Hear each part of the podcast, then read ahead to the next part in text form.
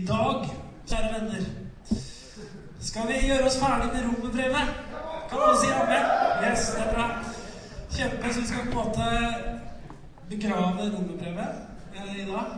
Men så håper jeg at det skal stå opp igjen, da, litt sånn i andre mellomrom, når du trenger det budskapet eh, som står. Så i dag er det epilog. Og det, epilog det betyr da ettertale, eller et slags sammendrag.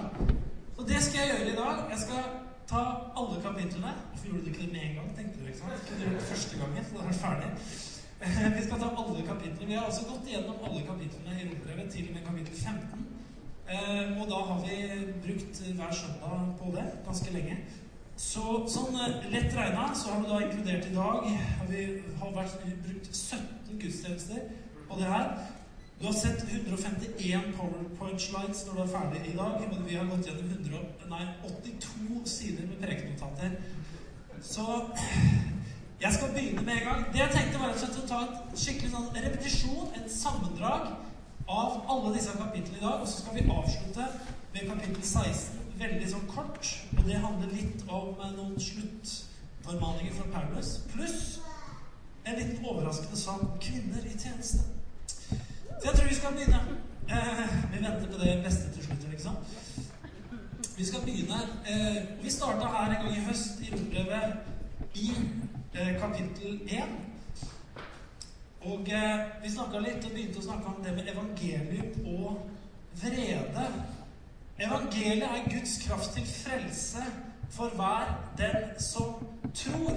Fordi vi har lest litt i dette her første delen av Paulus introduserer her, at Guds vrede det blir åpenbart fra himmelen over all ugudelighet og all urettferdighet. Og Det høres ut som et litt sånn negativt budskap at Guds vrede blir åpenbart fra himmelen over all ugudelighet og all urettferdighet. Og det er jo saken at det som ikke er i pakt med Guds natur, det som ikke er i pakt med Hans vesen, hans hellighet, det blir støtt fra Gud. Derfor så er det også sånn med oss når vi er syndere, og vi har syndig natur, så vil vi ikke kunne være sammen med Gud. Det er Guds vrede over synden. Men derfor sier Paulus at evangeliet er Guds kraft til frelse, som jo absolutt er det motsatte å bli utsatt for vrede. Det er å bli frelst, det er å bli redda av noen. Og sånn begynte Paulus i det første kapitlet. Eh, han sier også videre at Paulus han ble utsendt for å eh, han hilser menigheten. Han ble utsendt for å forkynne Guds evangelium. Og det er veldig viktig at evangeliet det handler ikke om at et menneske eller vi har funnet på noen liksom sånn positive thinking. eller noe sånt. Det handler om at Gud har et godt budskap. Budskapet, evangeliet, betyr et godt budskap, et glad budskap. Og det er Guds gode nyheter som Paulus snakker om når han snakker om evangeliet i denne sammenhengen her. Det var kapittel 1, og i vers 17 så står det at Guds rettferdighet det åpenbares i evangeliet. Det er en rettferdighet av tro til tro, som det står skrevet. Den rettferdige skal leve av tro. Det handler altså heller ikke om vår egen rettferdighet som vi kan oppnå eller fortjene. Men Paulus snakker om en, en rettferdighet som er Guds egen rettferdighet, som vi som mennesker skal få i gave. Det var introduksjonen på brevet. Så begynner Paulus i det andre kapitlet. Har vi snakka om dette her? Nå tar jeg bare kjernevers fra hvert kapittel, så vi kommer til å se masse bibelvers i dag. Eh, han skriver i Rombrevet 2,1.: Derfor har du inne ingen unnskyldning, du menneske, som dømmer hvem du enn er. For når du dømmer en annen, så fordømmer du deg selv. Du som dømmer, gjør jo selv det samme. Saken var at Paulus i det første kapitlet hadde nettopp ramsa opp at det var mange ting som gjorde menneskene syndige. Eh, han snakka om menn som brant etter hverandre i begjær, ikke sant? og kvinner som brant etter hverandre i begjær, og det ene og det andre. Han snakker om mange ting som påfører mennesker Guds vrede, og så tenker vi da at ja, det er forferdelig, og det er fælt at noen mennesker er sånn. Men så introduserer han da i kapittel 2 og sier Men du har heller ingen unnskyldning, menneske, hvem du er som dømmer. For når du dømmer en annen, så dømmer du også deg selv. Du gjør jo selv det samme. Ja, hva mente han med det, da? Jo, vi henta et brev fra Jakob 2, hvor det står sånn her For den som holder hele loven, men snubler i ett av budene, han har gjort seg skyldig i å bryte dem alle. Med andre ord så sier Bibelen det at om du bryter ett bud, så har det det samme som du har brutt den andre. Om du har brutt ett bud i loven, så har du brutt hele loven. Så vi er alle under skyldighet. For han som sa 'du skal ikke bryte ekteskapet', han sa også 'du skal ikke slå i hjel'. Om du ikke bryter ekteskapet, og slår i hjel, da er du likevel en lovbryter. Paulus sier med andre ord det er ingen grunn til å sette seg på sin høye hest og begynne å dømme andre. Vi har selv gjort det samme. Han fortsatte i kapittel 3. Han snakka litt til jødene, fordi jødene følte at de var et ganske privilegert folk. Det var Guds eget folk. Og når Paulus skriver til menigheten i Roma, så skriver han både til kristne av jødisk bakgrunn Han skriver til kristne av hedensk bakgrunn. Det var en blanda forsamling. Roma var en metropol på den tida her. Og jødene følte at de hadde et fortrinn fremfor andre folk fordi de hadde fått løftene, de hadde fått paktene, de hadde fått profetene De hadde i det hele tatt vært Guds utvalgte folk. Så jødene tenkte vi har vel et fortrinn, de liksom, har en forrang framfor andre. Paulus avviser det. Han sier i Romerne 3 Hva så har vi jøder noe fortrinn? Nei, på ingen måte. Vi har jo allerede anklaget både jøder og greker for at de alle er under synden. For det står skrevet det finnes ikke én som er rettferdig. Ikke en eneste. Det finnes ikke én som forstår. Det finnes ikke én som søker Gud. Alle er kommet på avveier. Alle er fordervet. Det finnes ikke én som gjør det gode, ikke et eneste menneske. Og på denne måten så fullfører Paulus noe av det som er hans agenda i den første delen av brevet, nemlig å bevise at alle mennesker har synda, om du er hedning om du er jøde, om du har gjort veldig gærne ting som alle ser, eller om du har gjort gærne ting som ingen ser, så er poenget at det finnes ikke én eneste blant oss mennesker som i utgangspunktet kan si at vi er rettferdige. Det fins ikke, er Paulus eh, bevisførsel i kapittel 3. Han sier også noe om loven, for den snakker Paulus litt om etter hvert i dette brevet. Han snakker litt om forholdet til loven. Loven kan den hjelpe oss? Kan den gjøre oss rettferdige? Og han sier i det tredje kapittelet, vers 19-20 Vi vet at alt det loven sier, det er sagt til dem som har loven, for at hver munn skal tie, og hele verden står skyldig for Gud. For ikke noe menneske blir rettferdig for Gud, for Gud på grunn av gjerninger som loven krever. Ved loven lærer vi synden å kjenne. Og sånn sett så plasserer Paulus lovens funksjon Nemlig det at loven gjorde at vi lærte synden å kjenne. Men den kunne ikke frelse oss. Den kunne ikke gjøre oss rettferdige. Hvordan vet vi det? Fordi at gjennom hele Det gamle testamentet, eller ikke hele, men de store deler av det, så hadde Israel, Guds folk, de hadde hatt loven.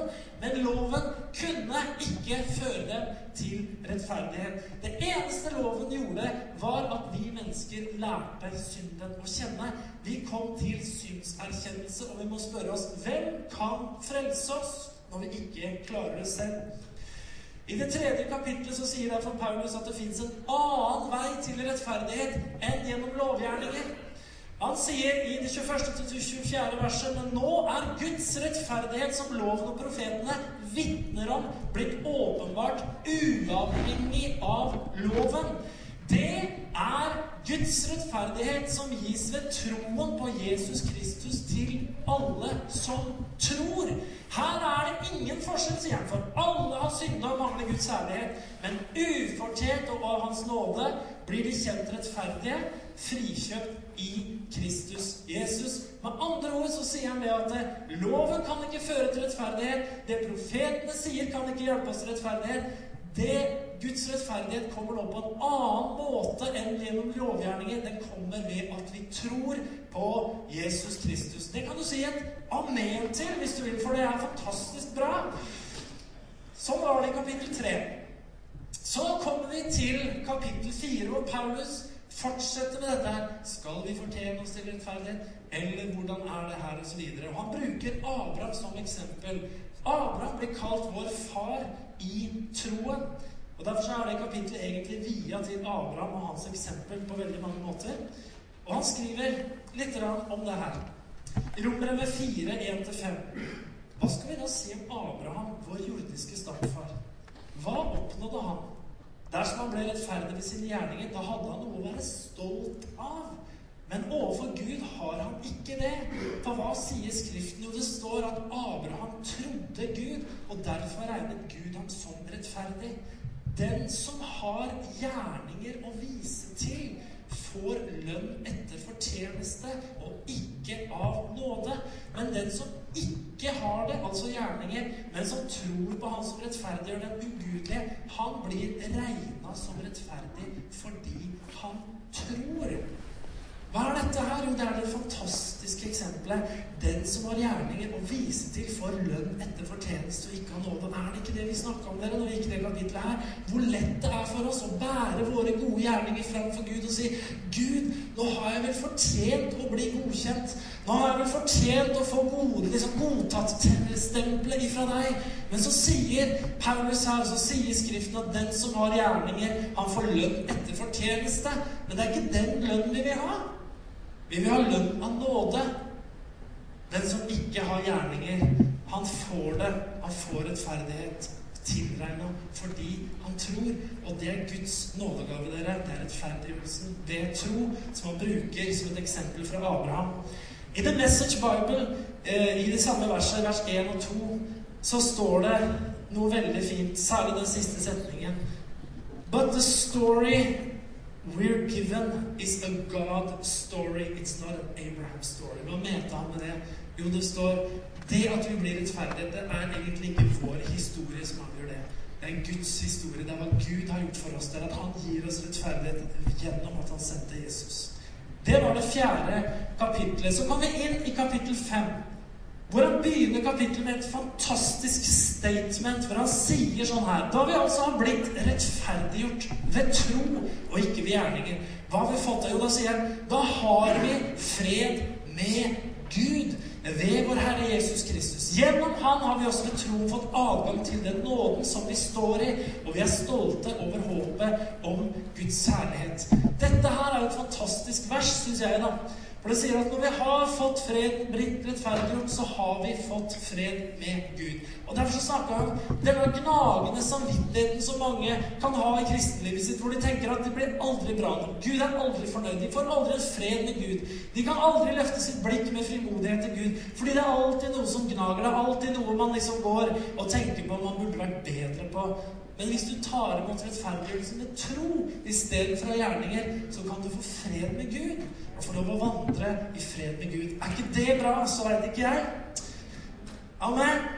Det var femte kapittel. Ikke veldig fort. Eh, I det sjette kapittelet så snakker Paulus videre, og vi har allerede lest litt fra kapittel 6 i dag. Men det han sier i vers 3-5, det er jo kjempebra å oppsummere noe. Der står det nemlig der synden ble stor, ble nåden enda større. Kan du si enda større? Enda større. Er ikke det bra? Altså, Uansett om synden er stor, så er nåden alltid enda større. Nåden går alltid utapå, uansett hvor mye vi måtte ha synda. For slik som synden hersket gjennom døden, skal nåden herske gjennom rettferdigheten i evig liv ved Jesus Kristus, vår Herre. Så uansett hvem du er, hvilken bakgrunn du måtte ha, om synden din er stor, så husk det, nåden er alltid større. Og Nå begynner Paulus å snakke litt om livet som vi skal leve. Og i det sjette kapitlet så snakker han også om det med helliggjørelse. Hvordan er det helliggjørelse kommer? Og Vi snakka litt om det her at mange tenker at man må anstrenge seg mye. Man må, man må først helliggjøres, og deretter kan man begynne å tjene Gud. Spørsmålet er om det er bibelsk. Det handler om hvem vi overgir oss til. Paulus skriver i, i det sjette kapittelet litt lenger ut men nå når dere er frigjort fra synden og har blitt tjenere fra Gud, og frukten er helliggjørelse, og det fører til evig liv. I dette kapitlet så har Paulus snakket litt om hvem vi velger å tjene. Og Det snakker ikke om å være perfekt. Det handler om hvem er det du vil tjene. Det var som Bob Dylan sa i sangen sin 'You Gotta Serve Somebody'. But you're gonna have to serve somebody. Yes, indeed, you gotta have to serve somebody. It may be the devil, or it may be the Lord, but you're gonna have to serve somebody. Og Det er en bra oppsummering på kapittel 6, faktisk. Hvor du må velge hvem du faktisk vil tjene. Gud sier ikke at du må være perfekt i gjerning for å tjene ham. Han sier 'hengi deg til meg'. Velg å tjene meg. Og hva skjer da? Jo, han sier at frukten er helliggjørelse. Derfor så snakka vi om det her med at først så henvender vi oss til Gud og stiller oss til tjeneste for Gud, og så har vi helliggjørelse som frukt. Det bør ikke være sånn at du skal være perfekt før du kan begynne å tjene Gud. Nei, på ingen måte. Peter er for et veldig godt eksempel på det. Han ble kalt som disippel av Jesus. Han gjorde utrolig mange feil, hadde mange brister i sin karakter. Han fikk allikevel lov å tjene Gud, og så ble det veldig bra etter hvert. Og sånn tror jeg det blir med oss også. Kan bli veldig bra etter hvert. Eh, det var det sjette kapittelet. I kapittel syv så snakker Paulus litt om forholdet vårt til loven, til oss selv og til Kristus. Det står sånn i vers 4 og vers 6. Loven spør ikke etter tro, men den sier den som lever etter budene, skal ha liv ved dem. Det er en slags betingelse hvis du lever etter budene. Men Kristus kjøpte oss fri fra lovens forbannelse da han kom under forbannelse for vår skyld. For det står skrevet 'Forbannet er hver den som henger på et tre', altså på korset. Slik skulle Abrahams velsignelse komme til folkeslagene i Kristus Jesus, så vi ved troen skulle få ånden som var gitt løfte om. Hva er lovens forbannelse? Jo, vi snakka litt om det. Lovens forbannelse, det er jo den at siden den forteller oss hva synd er, men den kan ikke hjelpe oss, så blir det jo en forbannelse, fordi at den vil alltid gjøre at vi ender opp med å tape. Sett ditt liv opp mot loven. Speil ditt liv med loven, så vil du ende opp med å se Jeg tapte. Jeg har brutt loven der. Jeg har brutt loven der. Jeg har brutt loven der. Du ender alltid opp som taper hvis du velger å leve med loven. Og sånn er det altfor mange av oss kanskje som har gjort i vårt kristenliv at vi har levd med loven som en kompanjong. Og så har vi speila livet vårt i loven, og så har vi tapt hele tida. Vi ender opp som, med, som mennesker fulle av fordømmelse. Men Kristus han kjøpte oss fri fra lovens forbannelse. Da han hang på korset, så tok han all straff på seg for at vi skulle gå fri. Amen! Og vi skulle ikke ende opp som tapere i Guds øyne. Vi skulle ende opp som rettferdiggjorte vinnere, himmelen verdig. Amen. Så i kapittel 7 så snakker han om at jeg er jo av kjøtt og blod. Og jeg merker jo det at jeg har litt forskjellige ting som drar og river i livet mitt. Uansett hvor hengitt kristen jeg er, så har jeg noe som jeg slåss med. Og han sier i vers 14-20.: Vi vet at loven er av ånden, mens jeg er av kjøtt og blod, solgt til slave under synden. Jeg skjønner ikke hva jeg gjør. Det jeg vil, det gjør jeg ikke. Og det jeg avskyr, det gjør jeg, sier Paulus. Men gjør jeg det jeg ikke vil, så gir jeg loven rett i at den er god. Og det er den jo for seg. Så er det ikke lenger jeg som gjør det, men det er synden som bor i meg. For jeg vet at i meg, dvs. Si mitt kjøtt og blod, så bor det ikke noe godt. Viljen har jeg, men å fullføre det gode, det makter jeg ikke. Det gode som jeg vil, det gjør jeg ikke. Men det onde som jeg ikke vil, det gjør jeg. Men det, gjør jeg det jeg ikke vil, da er det ikke jeg som gjør det, men synden som bor i meg. Paulus forteller om den kampen som vi alle opplever. Selv om vi er kristne, helliggjorte, lovsangsyngende, tungetalende pinsevenner, så er det likevel sånn at vi opplever den situasjonen her at jeg skjønner ikke alltid hva jeg vil. Jeg gjør noen ganger ting jeg ikke vil. Hva er løsningen på det? Jo, det kan være helliggjørelse. Men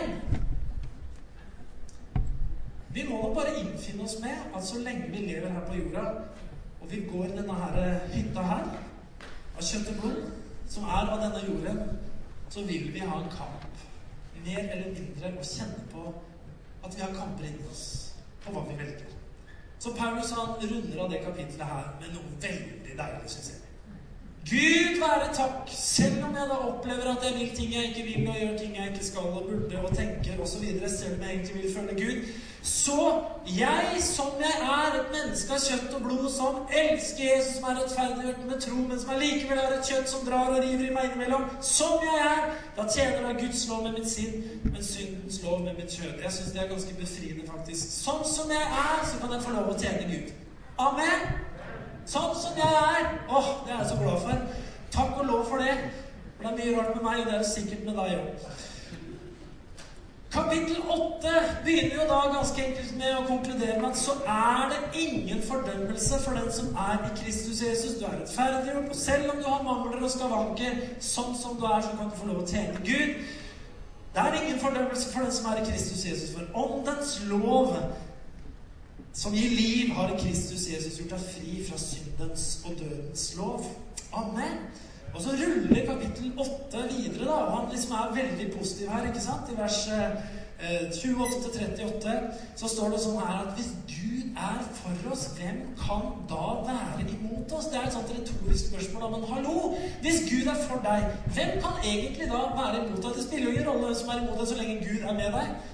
For det står jo det Gud pluss meg, vi er alltid flertall. Det er det som er sagt. Jeg syns jeg fant ganske fint sagt.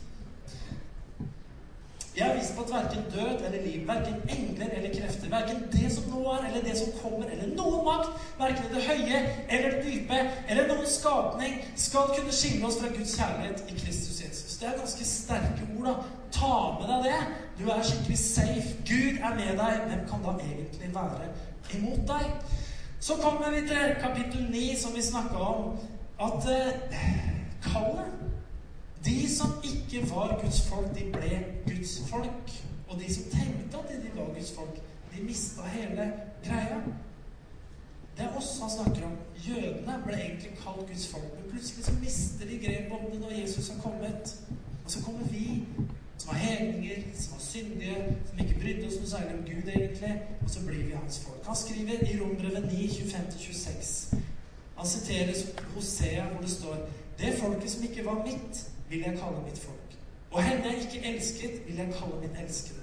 Der det før ble sagt til dere, dere er ikke mitt folk, der skal de kalle den levende Guds, kalles den levende Guds barn. Og vi snakka litt om det her, hvor fantastisk det er at de som ikke er Guds folk, de blir Guds folk. Hør nå. Noen ganger så kan vi som er kristne, kanskje vært det hele livet, menighetsinnbarka i menighetskultur osv. Vi kan veldig litt tenke det er vi som er Guds folk. Og det er vi jo, ikke sant? Og så har vi alle de andre. Det var litt sånn som jødene hadde det. Vi er Guds folk. Vi har det, vi har skjønt det. Og alle de andre de har ikke skjønt det. Vi kommer nok aldri til å skjønne det. Så skjer det her at Jesus kommer. Så kommer alle disse menneskene. Italienere og syrere og spanjoler og franskmenn og nordmenn og svensker til og med. ikke sant? Kom inn i Guds rike. De som ikke var Guds folk, de blir Guds folk når de får høre om Jesus. Når de, når de får skjønne hva evangeliet er. Vet du hva? Det er en sånn derre bilde vi må ha med oss. Alle de som ikke er Guds folk i dag. Når de hører det sanne evangeliet, så kan de bli Guds folk. Amen. Han snakka litt om videre i Rundbrev 11 om å lete uten å finne. Han snakker litt om jødene. Han snakker om nåde og gjerninger. Jødene fant jo ikke Gud. Er det ikke rart? Det var fordi de prøvde gjennom gjerninger. For var det nåde? Det er det ikke pga. gjerninger. Ellers var det ikke nåde lenger nåde. Hva så? Det Israel søker, har de ikke oppnådd. Men de utvalgte har oppnådd det. De andre har blitt forherdet. Paulus snakker litt om Israel, hvordan de mista Ikke forsto, at Jesus var Messias. Og så snakker han litt om at de har streva med å oppnå Guds gunst og oppnå rettferdighet. Men det de søker, det oppnår de ikke. Hvorfor det? For de søker på feil grunnlag. De har søkt gjennom gjerningene istedenfor gjennom nåden. Og så kommer de aldri fram til fred med Gud. De kommer aldri fram til relasjon med Gud. Og hør nå, Det er en lærdom for oss. Om vi søker å komme fram til Gud og få fred med Gud og leve med Gud gjennom gjerningenes vei, så kommer du aldri fram. Ever. Og jeg har truffet kristne som er kristne mange, mange år og som føler at de fortsatt liksom prøver å komme fram til Gud, prøver å få fred med Gud, gjør liksom alt de kan, men de kommer jo aldri fram. Hvorfor det? Man søker på gjerningenes vei.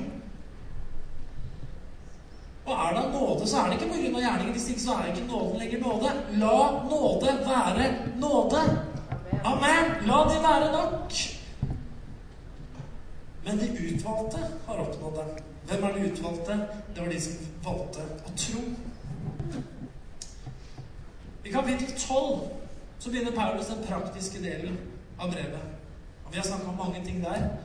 Men han begynner å snakke om hvordan vi skal leve. Annerledeshet, men hva slags snakka vi om? Romerbrevet 12,2 sier jo Innrett dere ikke etter den nåværende verden, men la dere forvandle ved at sinnet fornyes, så dere kan dømme om hva som er Guds vilje, det gode, det som er til glede til Gud, det fullkomne. Ok, vi har blitt, rettferdige, men hvordan skal vi leve? Innretter ikke til den nåværende verden. Hva mener han med det egentlig? Vi snakka masse om det.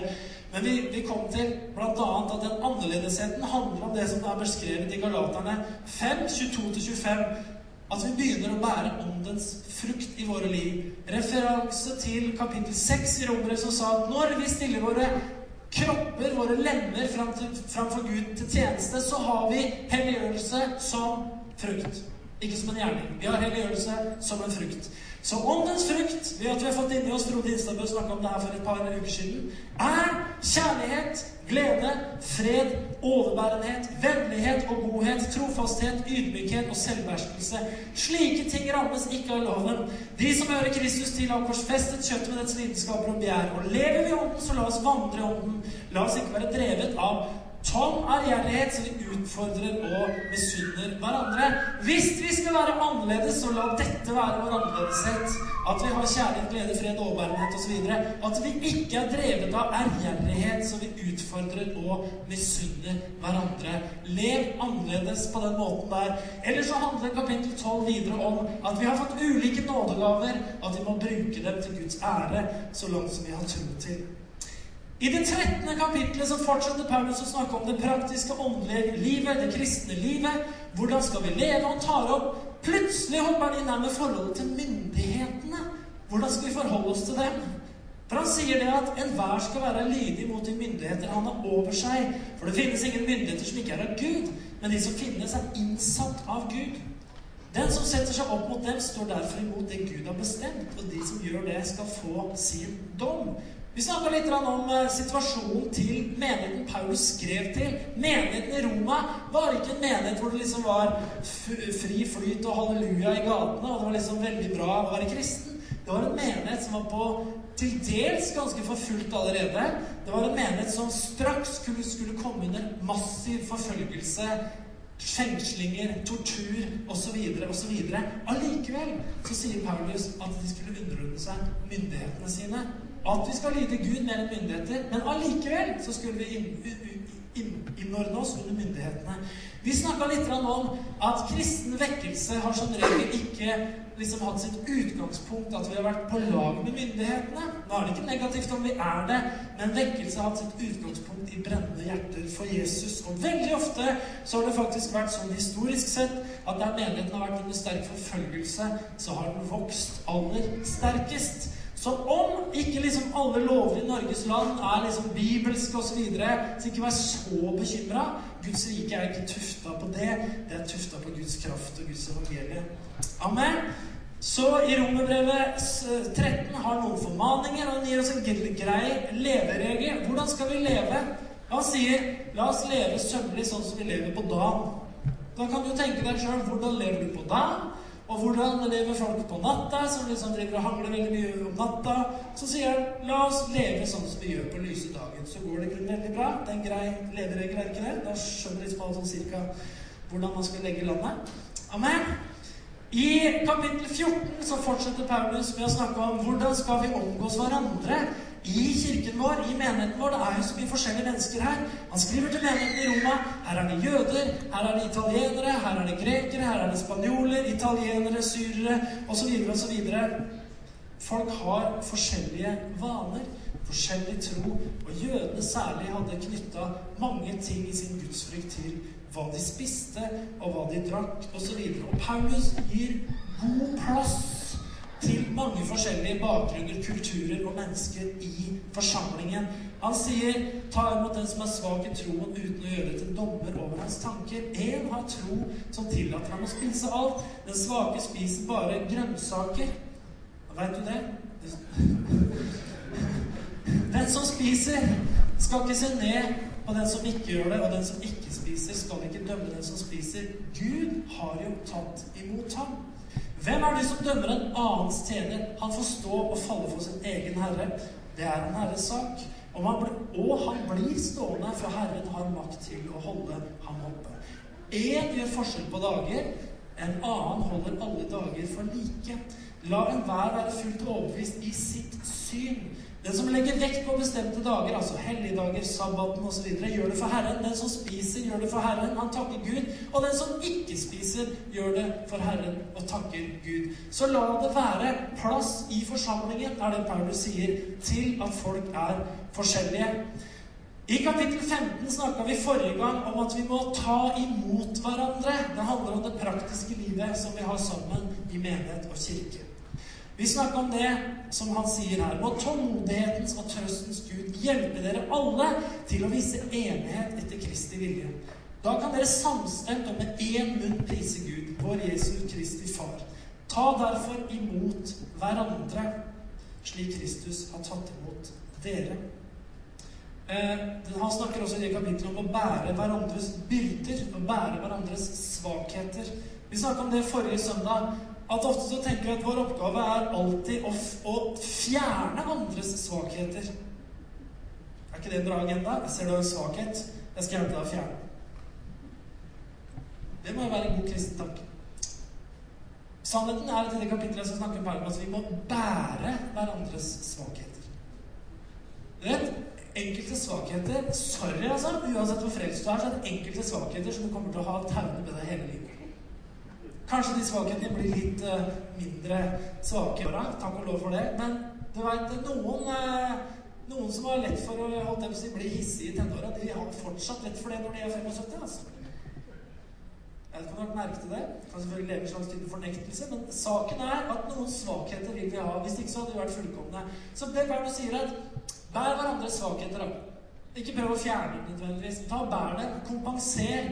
Hjelp de andre der de er svake. Så kommer du med din styrke isteden. Ta imot hverandre, var budskapet i dette 15. kapitlet. Da kan dere vise enhet og leve i enhet i kirken.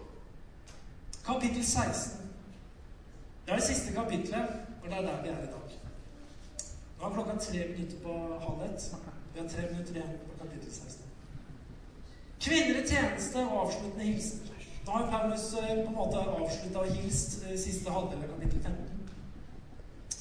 Men dette siste kapitlet det begynner med at han sier 'Jeg anbefaler vår søster Føbe for dere'. Hun er en diakon fra menigheten i Kenkræ. Jeg vet ikke om det er riktig å si det sånn. Det står noe sånn i norsk oversettelse. Ta imot henne i Herren slik det sømmer seg for det hele. Gi henne den hjelpen hun måtte trenge av dere, for hun har selv tatt seg av mange, også meg.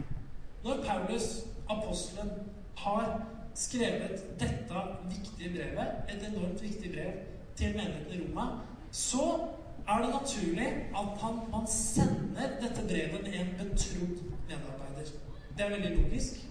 Det andre som var skikk den gangen her, det var vanlig at når noen ble sendt med et viktig brev til en forsamling eller, et samfunn, en by, så var det også den som fikk, hadde med seg brevet, som kunngjorde og leste brevet. Paulus velger altså en kvinne til å ta med seg brevet til menigheten i Roma. Denne kvinnen, Føbe, det er helt naturlig at når hun fikk brevet, så fikk hun også Paulus formaninger, forklaringer rundt det her. Husk på bla, bla, bla. Det jeg har skrevet her, bla, bla, bla, bla. Hun kommer der. Hun er den som får oppdraget med å lese dette og gi dette til forsamlingen. Han valgte en kvinne. Kult. Rombrevet 16, i vers 7, han hilser jo mange forskjellige her. Og så er det to stykker han hilser. Han sier 'hils' Andronikos og Julia, mine landsmenn, som har sittet i fengsel sammen med meg. De har et godt navn blant apostlene og kommet til tro på Kristus før meg. Det fins forskjellige meninger om det verset der, men de aller fleste bibelfortolkere forstår det sånn at Andronikos og Junia det var et ektepar på samme måte som Priskilla og Akvilas. En mann og en kvinne. Mine landsmenn som har sittet i fengsel sammen med meg. De har et godt navn blant apostlene. De fleste mener at dette, dette verset betyr at Andronikos og Junia var apostler. De var blant apostlene. Altså blant de som er apostler, har de et godt navn. Jeg vil bare ta med det til slutt, fordi at uh, det er litt artig at når Paulus sender brevet, så sender han det med kvinne. Når han nevner de han skal hilse, så nevner han Preskilla og Kulas. Preskilla hadde sittet og undervist Paulus og lært Paulus om grunnlig tro når han ble frelst sammen med Hansen. Junia var sannsynligvis en apostel sammen med Hansen. Spennende å ta med seg, så jeg bare å gi det til deg som er kvinne her til slutt. Vær frimodig på å tjene Gud. Det fins ingen begrensninger. Alle kvinner sa anmeldt, eller kan du gi litt på det her? Er kjempebra. Ok, kapittel 16 avsluttende hilsener. Og det, det, her skal vi ta med oss som det siste verset av 151 vers du har sett. Jeg formaner dere brødre, hold øye med dem som volder splittelse og anstøt imot den lære som dere har lært. Vend dere ifra det. For disse tjener ikke vår Herre Jesus Kristus, men sin egen mage. Ved sine fagre og smigrende ord dårer de hjertene til de godtroende. Hold øye med dem som volder splittelse og anstøt imot den lære dere har lært. Hvilken lærer han snakker om? Han snakker om dette som jeg nå har skrevet. Denne lære som jeg har lært dere. Grunnleggende om Guds nåde. Ta vare på den. Og la ikke loviskhetens surdeig sive inn i forsamlingen. For det er én ting som skjer der loviskhet råder i kristen sammenheng. Det blir alltid bråk, det blir alltid splittelse. Det blir alltid noen som skal dømme og rakke ned på andre. Og det blir aldri fred i huset. Blir alltid noen som skal tråkke andre ned og løfte andre opp. Og så blir det bare splittelse og problemer. Hold øye med de som volder splittelse, og anstøt mot den lære som dere har lært. Vend dere fra dem. Ta vare på nå. Og med det, kjære venner, så har vi hatt en hypergjennomgang av romerbrevet fra kapittel 1 til kapittel 16. Det ble veldig oppå for deg som ikke har vært der før. Men Jeg håper du fikk litt ut av det likevel. Men da var det en summering, en epilog. Da er vi ferdig. Jeg syns vi skal reise oss, og så skal vi takke Gud, halleluja, for det vi har fått, og det vi har hørt fra Guds ord. Og så skal vi ta med oss det her videre. Herre Jesus Kristus, vi priser deg. Takk for dette fantastiske brevet som vi har fått lov å gå gjennom. Takk at uh, du, Den hellige ånd, inspirerte Paulus og Grant til å skrive disse ordene. Herre, takk for at du faktisk tok ham like opp i himmelen til deg, inn i den tredje himmelen, en gang for å fortelle ham ord som var helt ubegripelige, som han ikke hadde hørt før. Og Herre, så takker vi deg for den åpenbaring som du ga til ham, som han skrev ned. At det er ikke lenger lovgjerninger som fører oss til rettferdighet. Det er ikke lenger loven som kan hjelpe oss fram til fred med deg, men det var at vi fikk lov å ta imot troen på deg, Jesus, som kom og tok bort våre synder på korset. Så hjelp oss, Herre, til å leve i den troen, og leve i den troens hvile, så vi kan være frimodige og glede i kristenlivet vårt. Herre, takk for at du har rensa vår samvittighet gjennom ditt blod, Herre, så vi kan leve med frimodighet.